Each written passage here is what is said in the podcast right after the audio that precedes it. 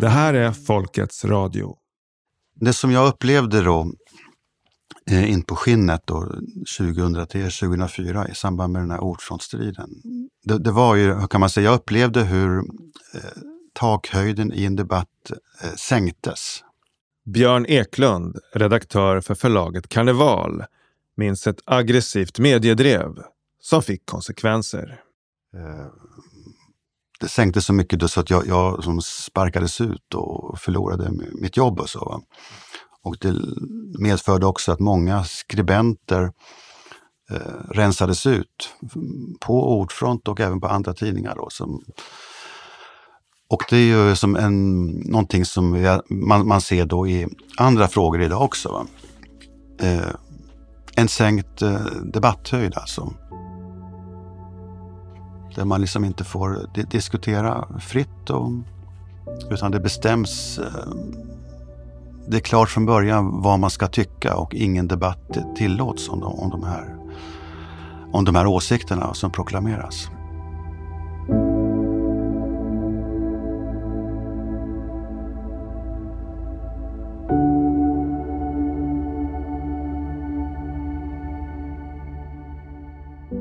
Frågan är om Sverige någonsin har haft ett så pass ängsligt debattklimat som vi har idag. I det här programmet ska vi prata om hur det blivit så här. Om de påverkansoperationer med koppling till främmande makt som skadat vår yttrandefrihet. De här eh, Frivärd och Atlantic Council och den grupperingen är en länk in i Sverige från de eh, stora eh, internationella intressena på västsidan. Lars Drake, tidigare ordförande för riksorganisationen Nej till NATO. Det, det blev en slags händelsekedja som var rätt avgörande. Det är inte bara en, ett hot liksom mot demokrati och yttrandefrihet, utan det leder också till dåliga politiska beslut.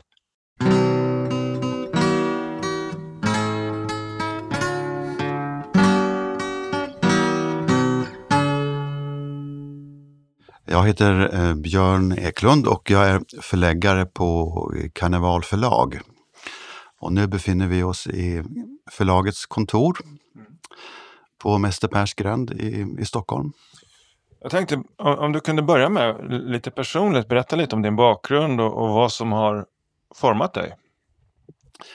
Jag kan säga så här att jag, jag jobbade på Ordfront i, i många år. Eh, och det är väl någon slags um, formande period i mitt liv då. Och det var under Ordfronts eh, storhetstid kanske, alltså under 1990-talet och början på 2000-talet. Då, då eh, Ordfront, både föreningen och magasinet och förlaget, de var väldigt stora och väldigt dominerande in, inom vänstern. Så att jag, hade en, jag var med då under hela den här perioden jag är lite för, lite för ung för den här Vietnamgenerationen, men, men när jag kom till Ordfront då, som uh, ung praktikant så var jag lite uh, imponerad av den här generationen, vad den hade åstadkommit. Då. Så att jag, jag, jag trivdes bra där fast det var en åldersskillnad då mellan den här äldre generationen. Mm. Det här var på mitten på 80-talet då, så då, jag sökte väl efter någon um, politisk hemmahörighet och så. Jag kunde inte finna det bland mina, mina jämngamla. Va? Så det här var det närmaste jag kunde komma. Jag tyckte min generation var så politiskt tråkig. Så att, så att jag, jag lät mig adopteras av den här Vietnamgenerationen. Men så småningom så upptäckte jag att det här var någonting som inte stämde med den generationen heller.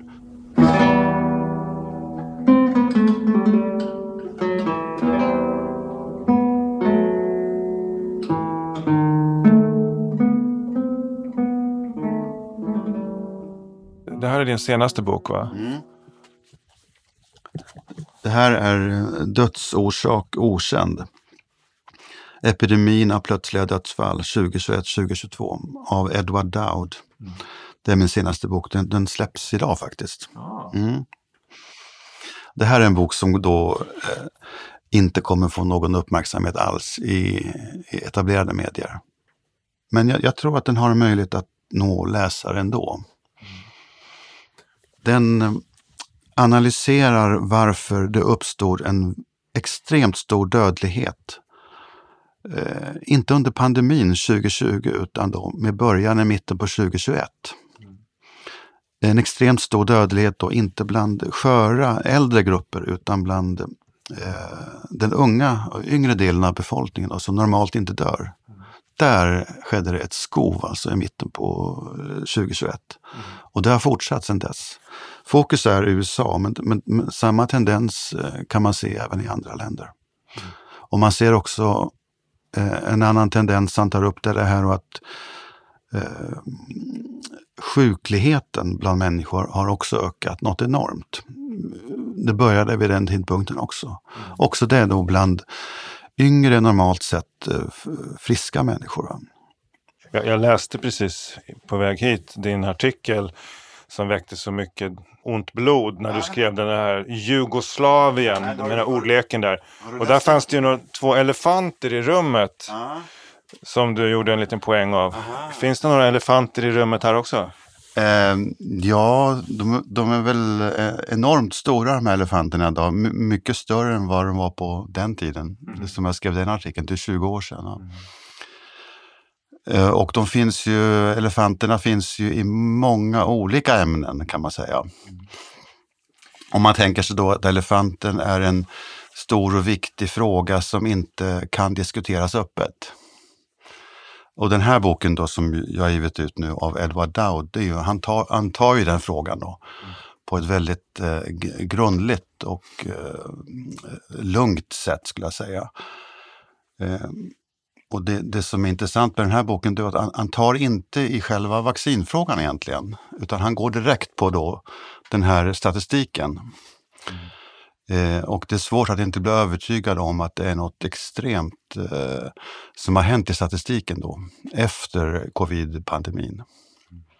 Men det blir ändå så att Aspekten blir det, elefanten i rummet om det har en koppling? Då? Eh, ja, men, men just den här boken handlar inte egentligen om det. Men, men man kan säga eh, alla, allting pekar på vaccinerna, att det är de som ligger bakom den här eh, eh, enormt eh, ökade dödligheten och enormt eh, eh, ökade sjukligheten då, som började 2021. Om det nu är vaccinerna som ligger bakom det här, då, då är det här en så gigantisk fråga så att man förstår inte hur, Eh, hur vi ska kunna hantera den. För det är så många människor som är inblandade i att ha propagerat för de här vaccinerna.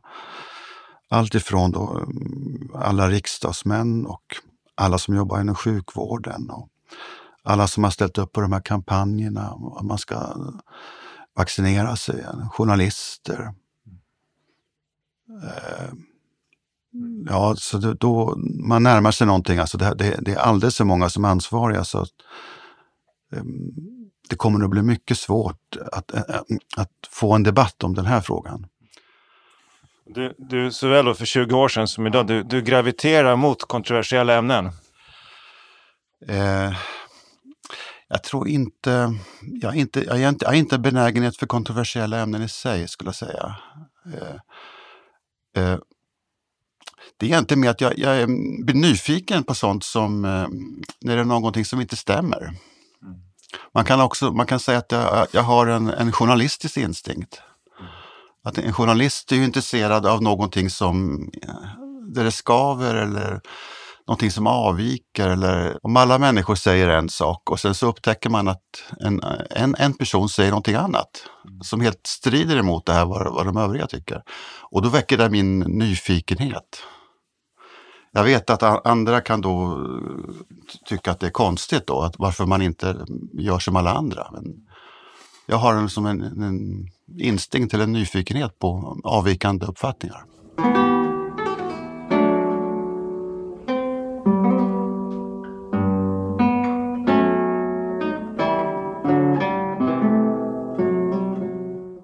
Det var 20 år sedan Björn Eklund blev föremål för det mediedrev som än idag kastar en skugga över svenskt debattklimat.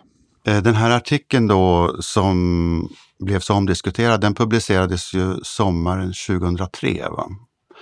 Det, var, det var en intervju med en person som hade skrivit en bok om Jugoslavienkriget. Eh, Eh, i, i, det här um, Ord för magasin då, som tidningen hette, så var det här inget konstigt. Att man intervjuade personer som har skrivit böcker som kanske avviker från vad, vad andra tycker. Det var, var helt normal verksamhet. Diana Johnston va? Eh, Diana Johnston, hon lever fortfarande. Hon en amerikansk journalist eh, bosatt i, i Paris som har skrivit ganska många böcker. Det tog ett tag innan, innan kritiken kom, eller kom den direkt efter du skrev? Nej, eh, så här var det. Den här artikeln publicerades i juni 2003. Och det som hände då efter det var att det kom fyra eller fem insändare till Orsa magasin som inte var något ovanligt. Eh, och jag och kanske nog chefredaktören bemötte de här, svarade på insändarna. Så det blev en liten debatt där. Ehm, men sen hände ingenting, utan det var först tror jag, i november samma år då, vad blir det, fem månader senare som det kommer sådana här frontalangrepp då i Dagens Nyheter. Jag tror det var kulturdelen två dagar i rad eh, riktades mot den här artikeln. Eh, mot, mot mig och mot Diana Johnston och mot Ordfront i sin helhet. Då. Och det var Marci Zaremba som, som hade skrivit den. Då. Och sen eh, kan man säga, den öppnade för ett eh, drev. Så eh, alla redaktioner hoppade på det då. Eh, och tendensen var densamma överallt i stort sett i alla artiklar i eh, Expressen. Och, eh, ja, det finns alla möjliga tidningar täckte den här artikeln. Och om man skulle sammanfatta kritiken så gick den ut på att ni förminskade Srebrenica-tragedin och, och på något vis gjorde er till apologeter då för Milosevic och de här? Ja, så kan man väl sammanfatta det. Det här, det, att, att det, var, det, skulle då vara något, eh, att eh, anklagelsen var att uh, Johnston förnekade här folkmordet i Srebrenica, tror jag det var en anklagelse. Och överhuvudtaget det här att man skulle då vara Milosevic-anhängare och, och, och sådana saker. Va? Jag tror det fanns även om antisemitism i de här anklagelserna.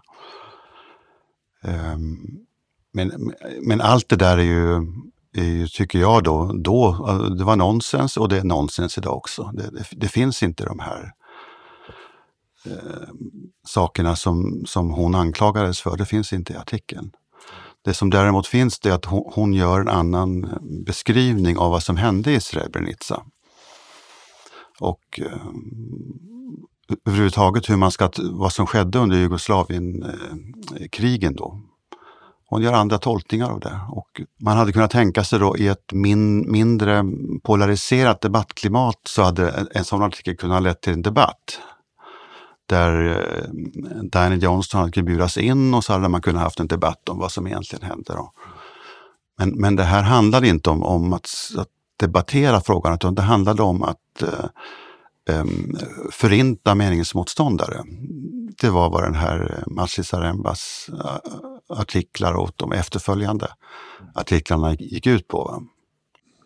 När det här då drevet satte igång, hur, hur fick du, blev du tagen i försvar då av redaktionsledningen för Ordfront? Ja, det, det, var en mycket intressant eh, erfarenhet för att Eh, som sagt, som jag berättade då, så det gick fem månader, det i stort sett ingenting hände. Men sen efter fem månader så blev det en, en bomb i med den här attacken i Dagens Nyheter. Men då kan man säga att jo då, ledningen stödde mig. Eh, både då chefredaktören och eh, bolagsledningen. Eh, vi skulle kämpa tillsammans mot det här angreppet då. Och vi skrev till och med en gemensam artikel i Dagens Nyheter, chefredaktören och jag. Men sen efter, om det var en vecka eller om det var två veckor, så hände någonting. Så över en natt så bytte ledningen eh, uppfattning i frågan. Så då, då skrev eh, chefredaktören själv en artikel i Dagens Nyheter där han bad om ursäkt för artikeln. Man kan säga, och den morgonen då den här artikeln publicerades, då, då hade jag blivit en persona non grata på min eh, arbetsplats och där jag hade jobbat i många år. Så att folk eh, slutade hälsa på mig och gick omvägar när de mötte mig i korridoren och så. Så att då, det innebär då att då tog ledningen sin hand från mig. Va? Och i förlängningen då så ledde det till också att eh, de, de sparkade ut mig från arbetsplatsen. För att eh, de hade kommit fram till att jag, jag måste offras för att rädda Ordfronts eh, kopplingar till mediavärlden och rädda, för att rädda Ordfronts eh, rykte då, som jag hade skamfilat. Hur kändes det då när de slutade hälsa? Ja, det var mycket, mycket, mycket absurt. Mycket obehagligt.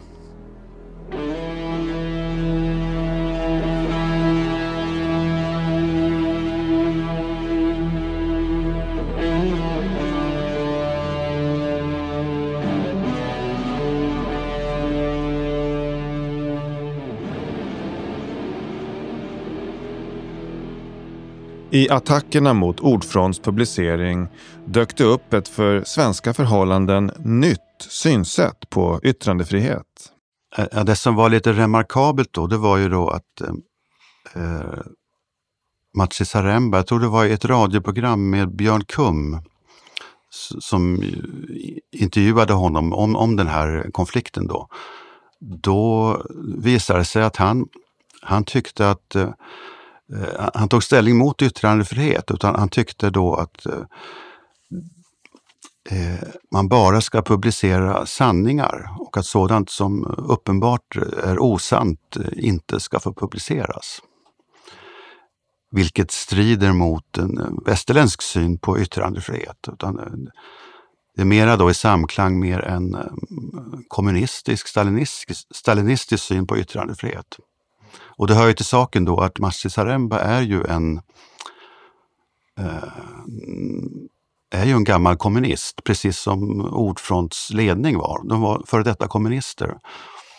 De, de, sen gick de ju andra, gjorde de andra politiska karriärer, jag ska inte uttala mig om det, men de, de, man har behållit en del av den här auktoritära synen på yttrandefriheten, visar det sig i, i den här striden. Då.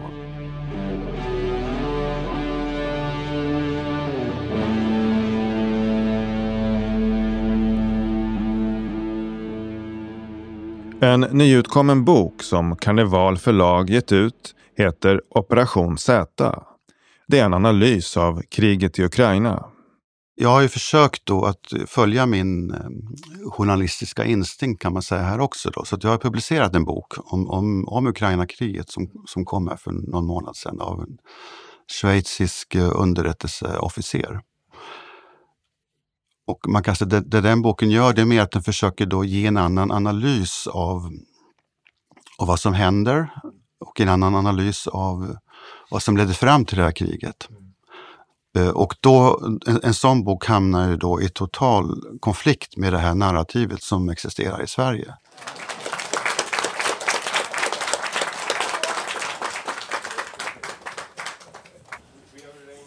Vi befinner oss i Solidaritetshuset i Stockholm där författaren i fråga, Jacques Baud, strax ska tala.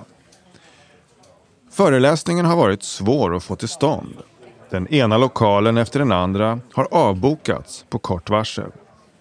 Jag heter Hansson och är ordförande i eh, Sveriges fredsråd som eh, var en av arrangörerna till det här mötet idag med eh, Jacques Baud och om kriget i Ukraina. Och att vi hamnade här på Solidaritetshuset eh, det berodde på att eh, ABF först eh, accepterade att vi fick ha mötet där men sen förklarade att, att det inte stämde överens med deras värdegrund. Och då vände vi oss till en vanlig privat lokaluthyrare i Stockholm, ett företag som hyr ut lokaler. Och där skulle vi varit ända tills igår. Då fick vi besked att vi var avbokade där också och även där var skälet då att vi, vår profil stämde inte överens med värdegrunden eh, för, för det företaget. Ett privat företag alltså. Det är uppenbart att eh, yttrandefriheten sitter löst i eh, Sverige idag. Har, har ni någon speciell specifik värdegrund som är då liksom problematisk? Eller vad? Och Sveriges fredsråds värdegrund är ju fred. Eh, så att det är ju väldigt, eh, ja, jag vet inte riktigt eh, vad det är för värdegrund man ska ha. Men det är klart, om man nu ser till den socialdemokratiska eliten och toppen så är det ju krig som är deras värdegrund. Så att det, det var kanske därför de inte tillät oss eh, eh att eh, vara i ABF-lokalerna. Och det stämmer i så fall, för då har vi inte samma värdegrund som eh, ABF och socialdemokratin helt enkelt. För vår värdegrund är fred och deras är krig. Det är någon rädsla och någon eh, beklämmande man kan säga, skitnödighet där alltså. att man inte kan ha en debatt. Och särskilt i det här fallet då, den här författaren Jacques Baud. Om du tittar på hans meritlista då. han har varit i den schweiziska militären i, i 30-40 år. Han har jobbat för Nato i 3-4 år. Han har jobbat i Ukraina och för Nato åt den ukrainska regeringen för att bygga upp den ukrainska armén. en sak som är väldigt slående när man läser den här boken, det är ju då att eh, jag uppfattar att författaren då bryr sig om eh, Ukraina och bryr sig om ukrainarna. Eh, men, men den analys som, som vi har i västvärlden, den, den säger då bara att vi ska förse ukrainarna med ännu mer vapen och vi ska stödja dem. De ska få slåss hur länge som helst. Men resultatet blir ju då att eh, hundratusentals ukrainska eh, soldater eh, dör och att då landet slås i spillror. Det är det vi stödjer. Krigets första offer är som bekant sanningen. Citatet har kanske aldrig varit mer giltigt än i fallet Ukraina. Rapporteringen från alla sidor är politiserad. Den schweiziske författaren Jacques Baud säger att den västerländska rapporteringen konsekvent överdrivit de ukrainska framgångarna och kraftigt tonat ner de ukrainska förlusterna. we were told that uh, Ukraine is winning, Russia is uh, losing, and, and there are always those successful offensives and all that, counteroffensives. Båd säger att vi sannolikt kan lägga till en nolla efter de ukrainska dödssiffror som våra mainstream-medier angivit. And, and suddenly we start to realize this and, and it's a wake up for, for, for the West. But the problem that if we had had, if, if we had had a good information, we could have anticipated that. Plötsligt, säger han, börjar vi konfronteras med den chockerande verkligheten. People are sur suddenly surprised to see that there are so many deaths in, in the Ukraine.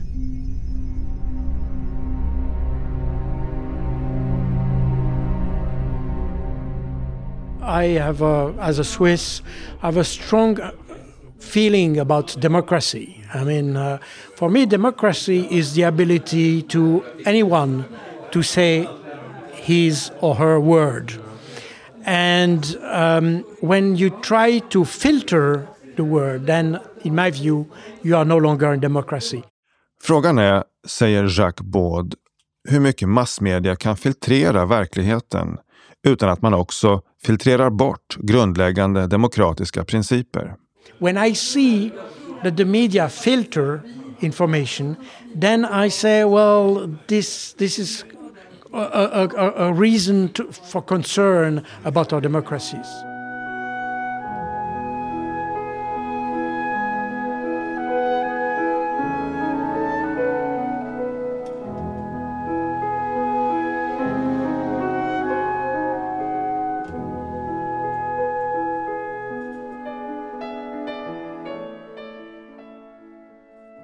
Jag heter Xenia Young. Så jag är doktorandstudent inom historia. Jag studerar och undervisar inom rysk och sovjetisk historia huvudsakligen. Men jag också forskar lite inom skandinavisk historia, svensk historia i synnerhet.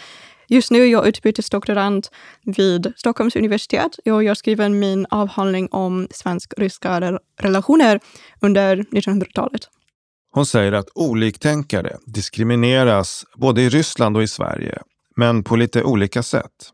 Det finns två olika nivåer. Det finns den juridiska nivån och det finns den samhälleliga nivån.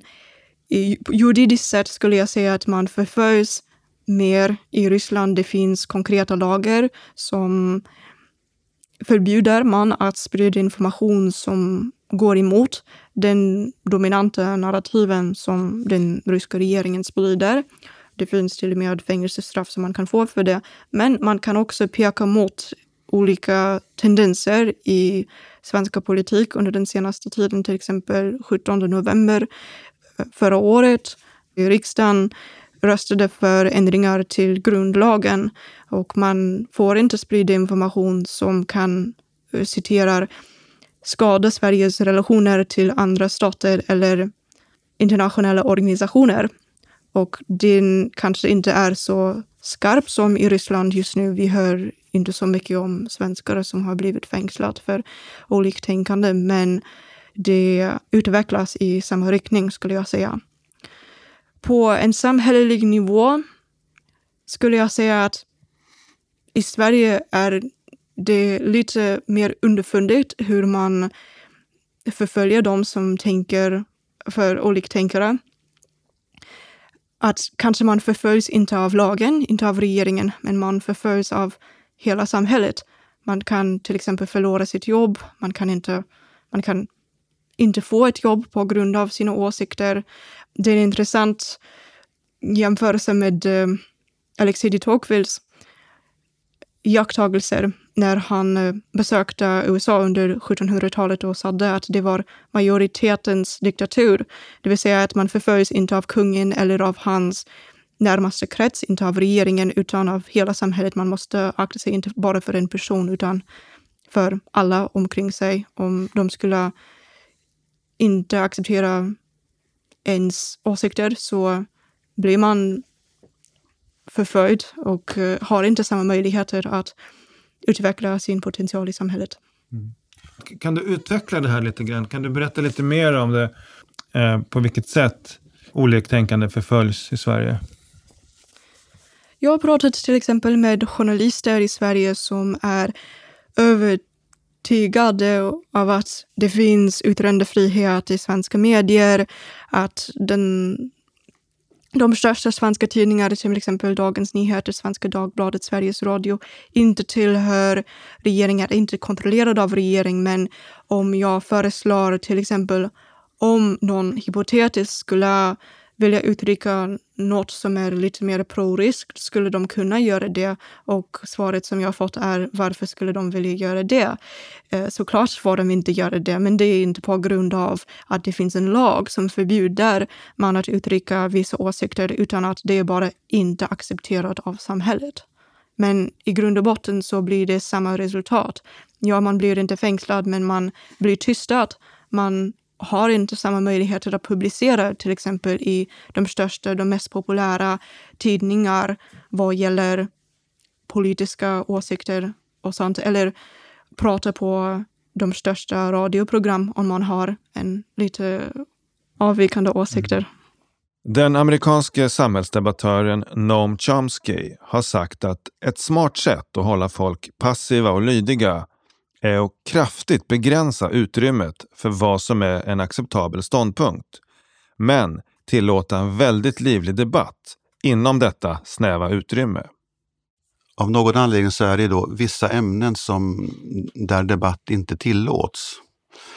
Eh, medan andra ämnen då, där kan man tillåta att alla möjliga åsikter får komma till tals.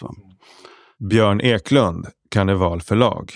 Nu, de senaste dagarna så har det varit en enorm debatt om den svenska förbundskaptenen i fotboll till exempel. Va?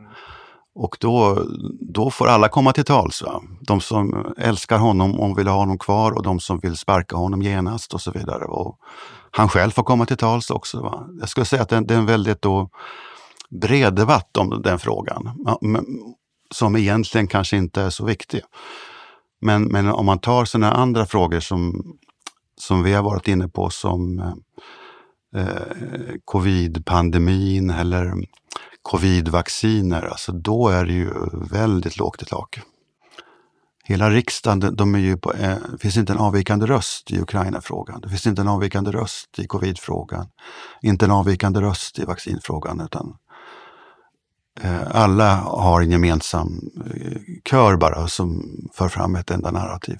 Så vad gäller parlamentet, vad gäller riksdagen, så anser jag inte att det finns en riktig opposition antingen i Sverige eller i Ryssland. Så det kan vara folk som uttrycker sig mot vissa saker som händer. Så till exempel NATO-frågan i Sverige eller till exempel det var en pensionsreform i Ryssland 2018 som det var vissa partier som sa att vi håller egentligen inte med den här reformen men kommer inte att göra någonting åt det.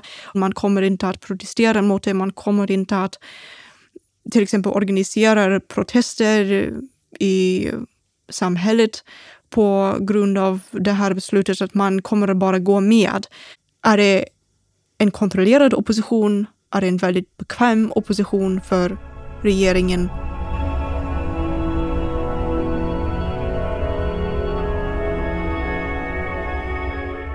I Dagens Nyheters lördagsbilaga nyligen hade man en intervju med chefen för hemvärnet.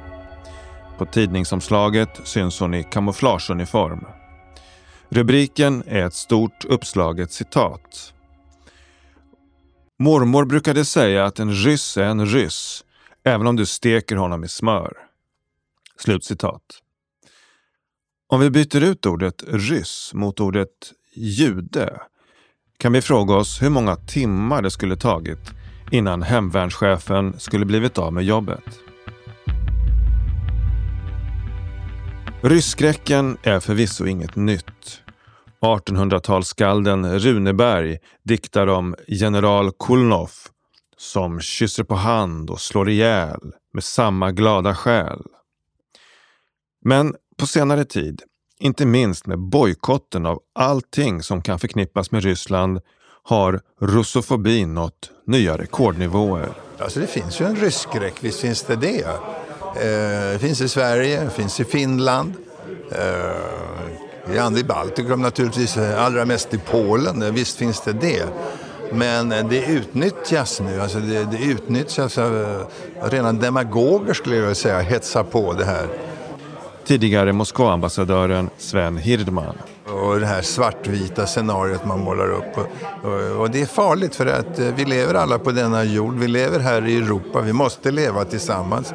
Vi är alla eh, vi är samma sorts människor och vi har behov av varandra. Vi har behov av att möta varandra, handla med varandra, umgås med varandra.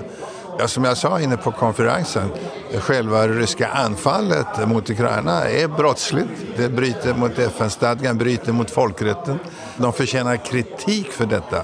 Men det innebär inte att man kan skuldbelägga varenda ryss. Jag tycker det är helt förfärligt med den här cancelkulturen.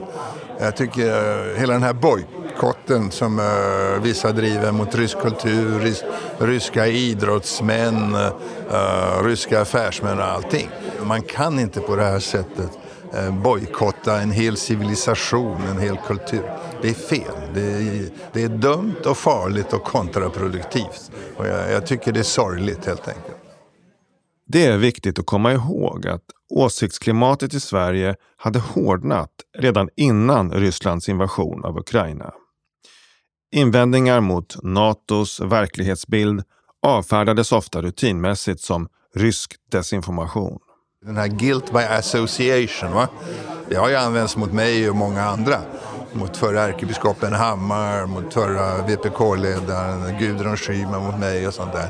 Eh, det är hemskt alltså. Man, man människor, man, ska respektera att människor har andra ståndpunkter. Så att det är väldigt, jag tycker det är väldigt trist med den debatt vi har i, i, Sverige. Den är oerhört onyanserad. Det är trist att det har blivit så. Vi är ett litet provinsiellt land där vissa journalister och vissa media har fått alldeles för stort inflytande även på politikerna. Flera debattörer har jämfört med McCarthyismen i USA på 50-talet och jakten på påstådda kommunistiska infiltratörer. I en debattartikel från 2017 varnar Jan Scherman, TV4s forne VD, för att vi håller på att få ett samhällsklimat där medier kompromissar med sitt grundläggande uppdrag att självständigt och ifrågasättande granska maktens påståenden. Det som har hänt sedan artikeln skrevs är att yttrandefrihetsdebatten i Sverige har tystnat. Ingen journalist eller publicist tycks längre vilja riskera att ertappas med obekväma åsikter och bli beskriven som Putins nyttiga idiot.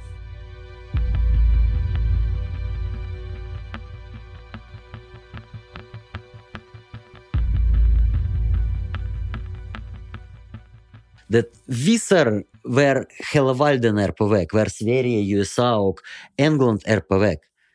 I programmet Kriget mot folket som publicerades förra våren intervjuade jag Putin-dissidenten Alexej Sachnin. Som flykting i Sverige hade han under några år varit en ofta publicerad debattör, omtyckt av både höger och vänster.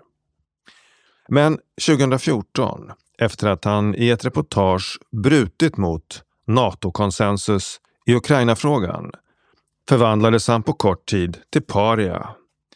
Och även Alexej, hur absurt det än kan te sig, kom att anklagas för att vara Putins megafon.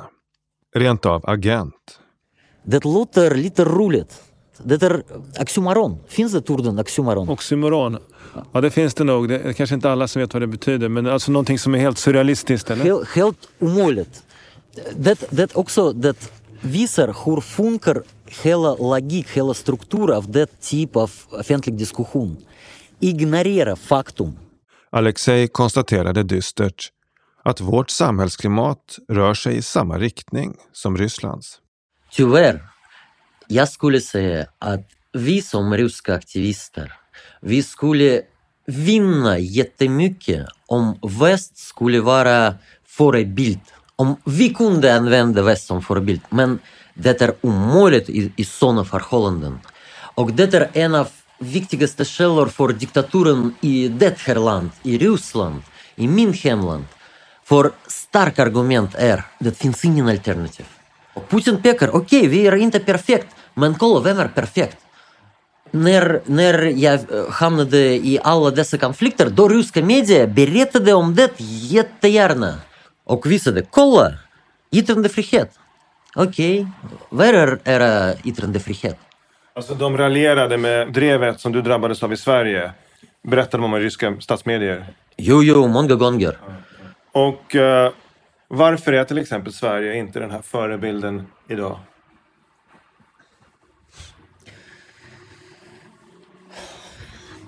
Det blir mindre och mindre förebild. Det blir mindre och mindre trovärdighet. För oftare och oftare vi ser situationer där yttrandefrihet begränsat. Där politiska oliktänkande är under press. Under tryck. Under tryck.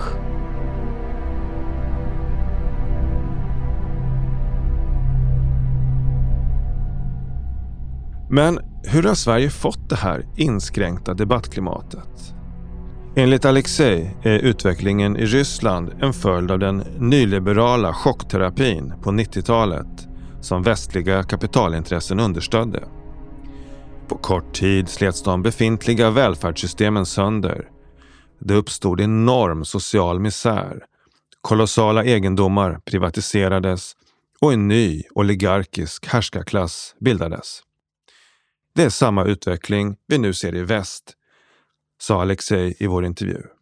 Vi ser överallt vi ser mer censuren, mindre yttrandefrihet, mer politisk auktoritarism, mer falskade uh, val överallt i världen. Ni alla är välkommen, welcome to the club.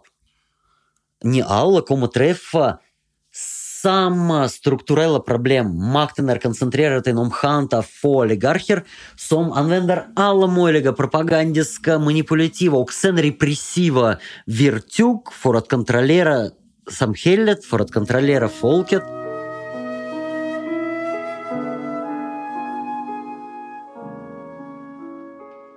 Det var alltså ett utdrag ur programmet Kriget mot folket från förra året. Welcome to the club, sa Alexei.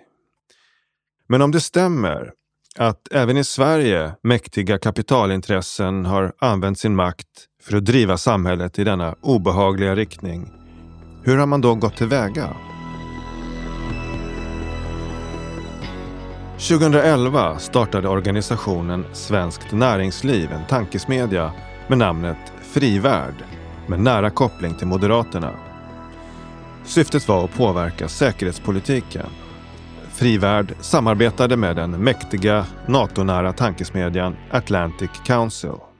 Det här är en länk in i Sverige från de eh, stora eh, internationella intressena på västsidan. Lars Drake, tidigare ordförande för riksorganisationen Nej till NATO, har gjort en kartläggning av det här nätverket. Atlantic Council har ju faktiskt som uttalat mål att verka för en värld som leds av USA. Det är fastslaget som en av de första punkterna på deras hemsida. Och Det här har jag alltså Frivärd då lyft in i den svenska debatten och de har från första början verkat för svenskt medlemskap i NATO. Carl Bildt, han sitter i Atlantic Councils internationella råd och där sitter också Marcus Wallenberg och en av cheferna för vapensmedjan Saab. Och eh, Bildt, han ordnade under sin utrikesministertid så att Atlantic Council fick ekonomiskt bidrag från Sverige.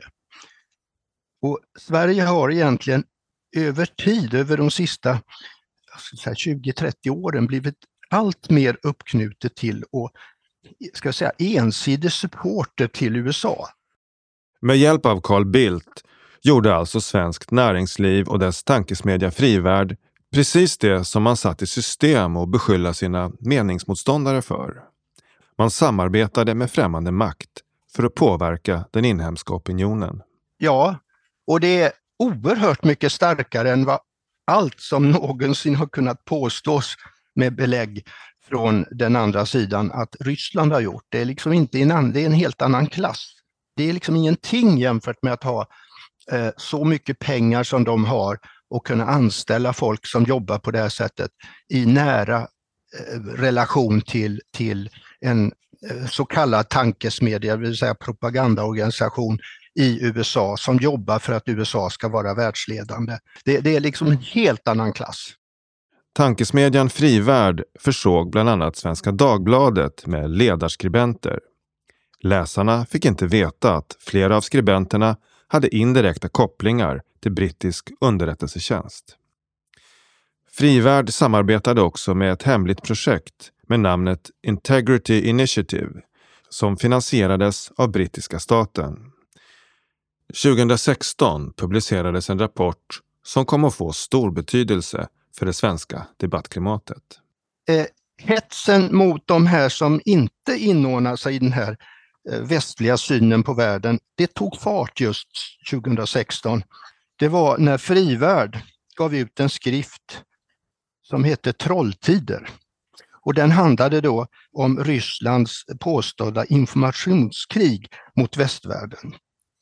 Och en av artiklarna i den lilla skriften Trolltider, den kom fram till att problemet är egentligen inte det här med rysk propaganda, utan det att svenskar själva hade och även framförde i argument som överensstämde med den ryska synen på världen. Och det var dem man skulle rikta in sig på. De goda krafterna skulle driva en kampanj mot de här svenskarna som hade fel åsikt. Liksom. I denna rapport, Trolltider, presenterades något av en mall för hur smutskastning av meningsmotståndare skulle bedrivas. Det blev nu satt i system att man anklagade fredsvänner och vänsterskribenter för att vara ryssvänliga Putin-megafoner. Metoden var demonisering via guilt by association som när man hävdade att en svensk fredskonferens förra året var kopplad till Kreml. Det skriver de helt utan något som helst bevis på att Kreml hade något med Folk och fredskonferens att göra. Och det är väldigt typiskt. Den här frivärldsskribenten kritiserade på konferensen på det här sättet, men framförde ingen som helst saklig kritik i den artikeln mot vad Folk och Fredskonferens innehöll. Och det är typiskt så som de jobbar, att det ska, det ska stämplas, personerna ska stämplas. Man ska eh, demonisera personerna och, och visa på kopplingar till någonting som kanske inte ens finns. Och, och eh, sakfrågorna, de bryr man sig inte om att diskutera. Så de, de, det, det, är ett sätt att undvika en debatt i sakfrågor, så, så ser jag det. Den här påverkansoperationen då, om vi får kalla den för det, hur har den påverkat svensk demokrati och svensk yttrandefrihet? Jag anser att det har varit helt förödande. Många har blivit rädda att uttala sin åsikt. De vill inte bli stämplade så de är väldigt försiktiga.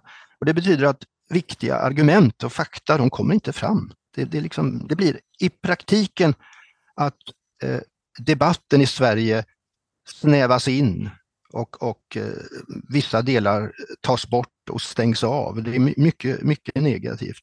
Och sen, sen anser jag att eh, det här inskränktheten som har varit i svensk debatt under senare tid, det är inte bara en, ett hot liksom mot demokrati och yttrandefrihet, utan det leder också till att eh, Sverige fattar dåliga politiska beslut. Det som inte ligger i svensk, svenska folkets intressen. The total influence, economic, political, even spiritual, is felt in every city, every state house, every office of the federal government. USAs president Eisenhowers berömda avskedstal 1961 där han varnar för det allt mäktigare militärindustriella komplexet. By the military industrial complex. En sorts kartell inom försvarsindustrin och det militära etablissemanget. Only an alert and knowledgeable citizenry can compel the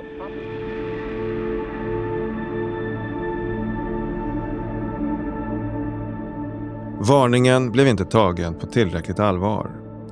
Den militärindustriella parasiten har genom åren vuxit sig ännu större och dränerar samhällen på demokrati och resurser, även i Sverige. Och, och det är väl helt uppenbart att det som pågår nu när vi ska skicka massa vapen till Ukraina så kommer leverantörerna av dessa vapen att få ökade beställningar. Det, det, vet vi att det har redan skett och, och, och de har ökade vinster och så vidare. Så att, eh, det finns ingen anledning för dem att, att säga att eh, vi ska ha fred i, i, Ukraina utan kör på liksom. Och eh, nu sitter ju som jag sa eh, Carl Bildt, Marcus Wallenberg och eh, Mikael Johansson i eh, Atlantic Councils internationella råd. Och jag tror det är 39 personer som sitter där och tre av dem är från Sverige. Det, det, det visar ju på att det finns ett intresse från svensk sida att vara med här. Och, och det här att vi går med i NATO, det är också en signal till den här, eh, eh, de här stora eh, militärindustriella krafterna att vi vill vara med. Och, och sen också när, när man nu får en sån här utveckling så kommer ju både när vi går med i NATO och när vi har sändning av vapen till Ukraina, då, då blir det en förskjutning. Att, att pengar som kunde använts till sjukvård och, och skolor och så kommer inte att finnas. Utan de kommer att gå till eh, vapenproduktion.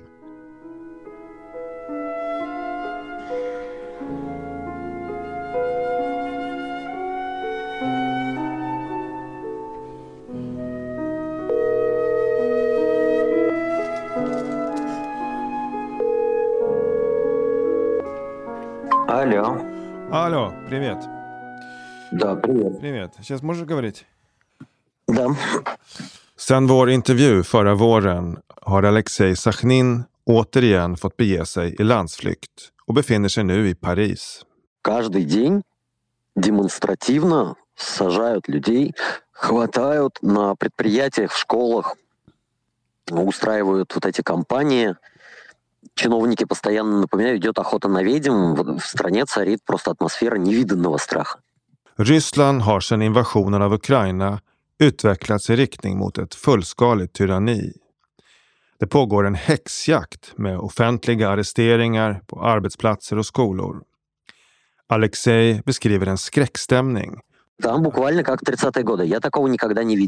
Likt den som rådde på Stalintiden, på 30-talet. А, Я помню, это было год назад. Я ездил каждый день там в метро писал просто фломастером «Нет войны». För ett år sedan brukade Alexej med filtpenna skriva Nej till krig i Moskvas tunnelbana. En gång blev han attackerad av en man som ville tillkalla polis. Какой-то мужчина в метро и стал звать ментов, и весь вагон встал на мою сторону. Så gott som alla passagerare ställde sig på Alexejs sida. Men idag har rädslan tagit överhanden, säger Alexej. Folk förblir tysta. Но постепенно вот эта атмосфера страха углублялась, и сейчас просто люди молчат.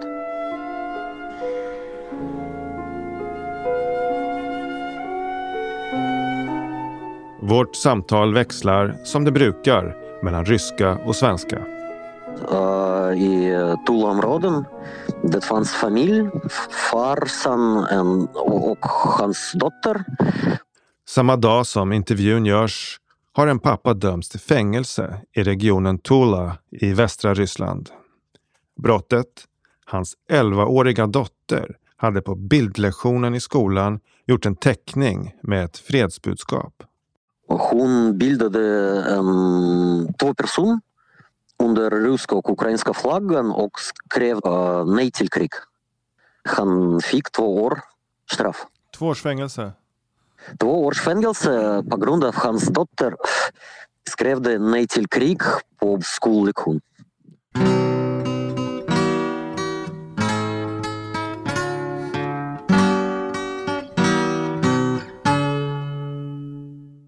Vilken väg kommer Sverige att ta mot framtiden? Kommer vi fortsätta att närma oss det ryska samhällsklimatet? Se vår yttrandefrihet urholkas undan för undan? Eh, Pulver, pulverkaffe här på Karneval förlag.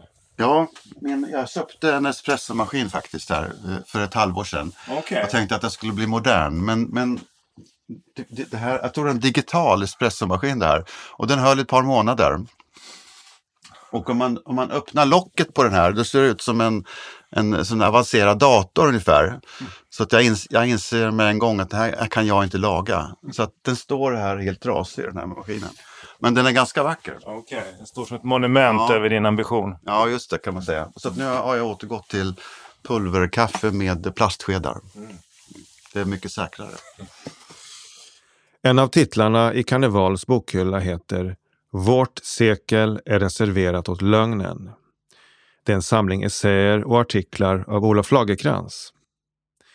Man får nästan nypa sig i armen när man betänker att en sådan briljant och systemkritisk samhällsdebattör för inte så länge sedan kunde vara chefredaktör för Dagens Nyheter. Och att det fanns en tid när kulturmänniskor och intellektuella såg det som sitt kall att kritisera makten, inte vara dess medlöpare. Vi har, Sverige hade ju ett antal liksom, sådana här då, samveten och skribenter som tog sitt kall på allvar liksom, och gick emot strömmen och uh, betraktades som modiga och sådär. Men det, allt det där är borta idag. Varför? Jag, jag, jag vet inte.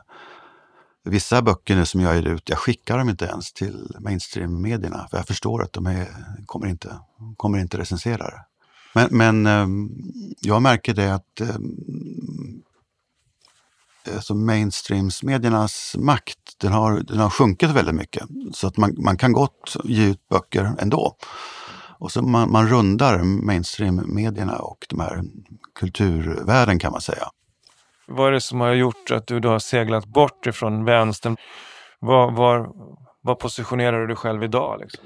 Nej, jag skulle säga att jag är mm, det var min egen nyfikenhet som har lett mig dit, där jag befinner mig idag. Och det är mer att jag är mm, sanningssökare, tycker jag är bra. Epitet, det gillar jag. Jag, jag. jag är beredd att ändra mig om, om jag upptäcker att det jag som tycker idag inte stämmer. 20 år har gått sen förlaget Ordfronts ledning kastade Björn Eklund till vargarna. Jag frågar vad han ser som sin viktigaste lärdom. Nej, men det, det här kanske gav mig, gav mig en liten inblick i hur då media Sverige fungerar. Om man tittar bakom jalusierna då. Så det, eh, det fick jag lära mig då. Eh, så, att det här, mm, de här idealen som man då kunde ha om hur det verkligen ser ut och så, det, det faller platt till marken. What's that I hear now ringing in my ears? I've heard that sound before. What's that I hear now ringing in my ears? I hear it more and more. It's the sound of freedom calling, ringing up to the skies. It's the sound of the old ways of falling. You can hear it if you try. You can hear it if you try.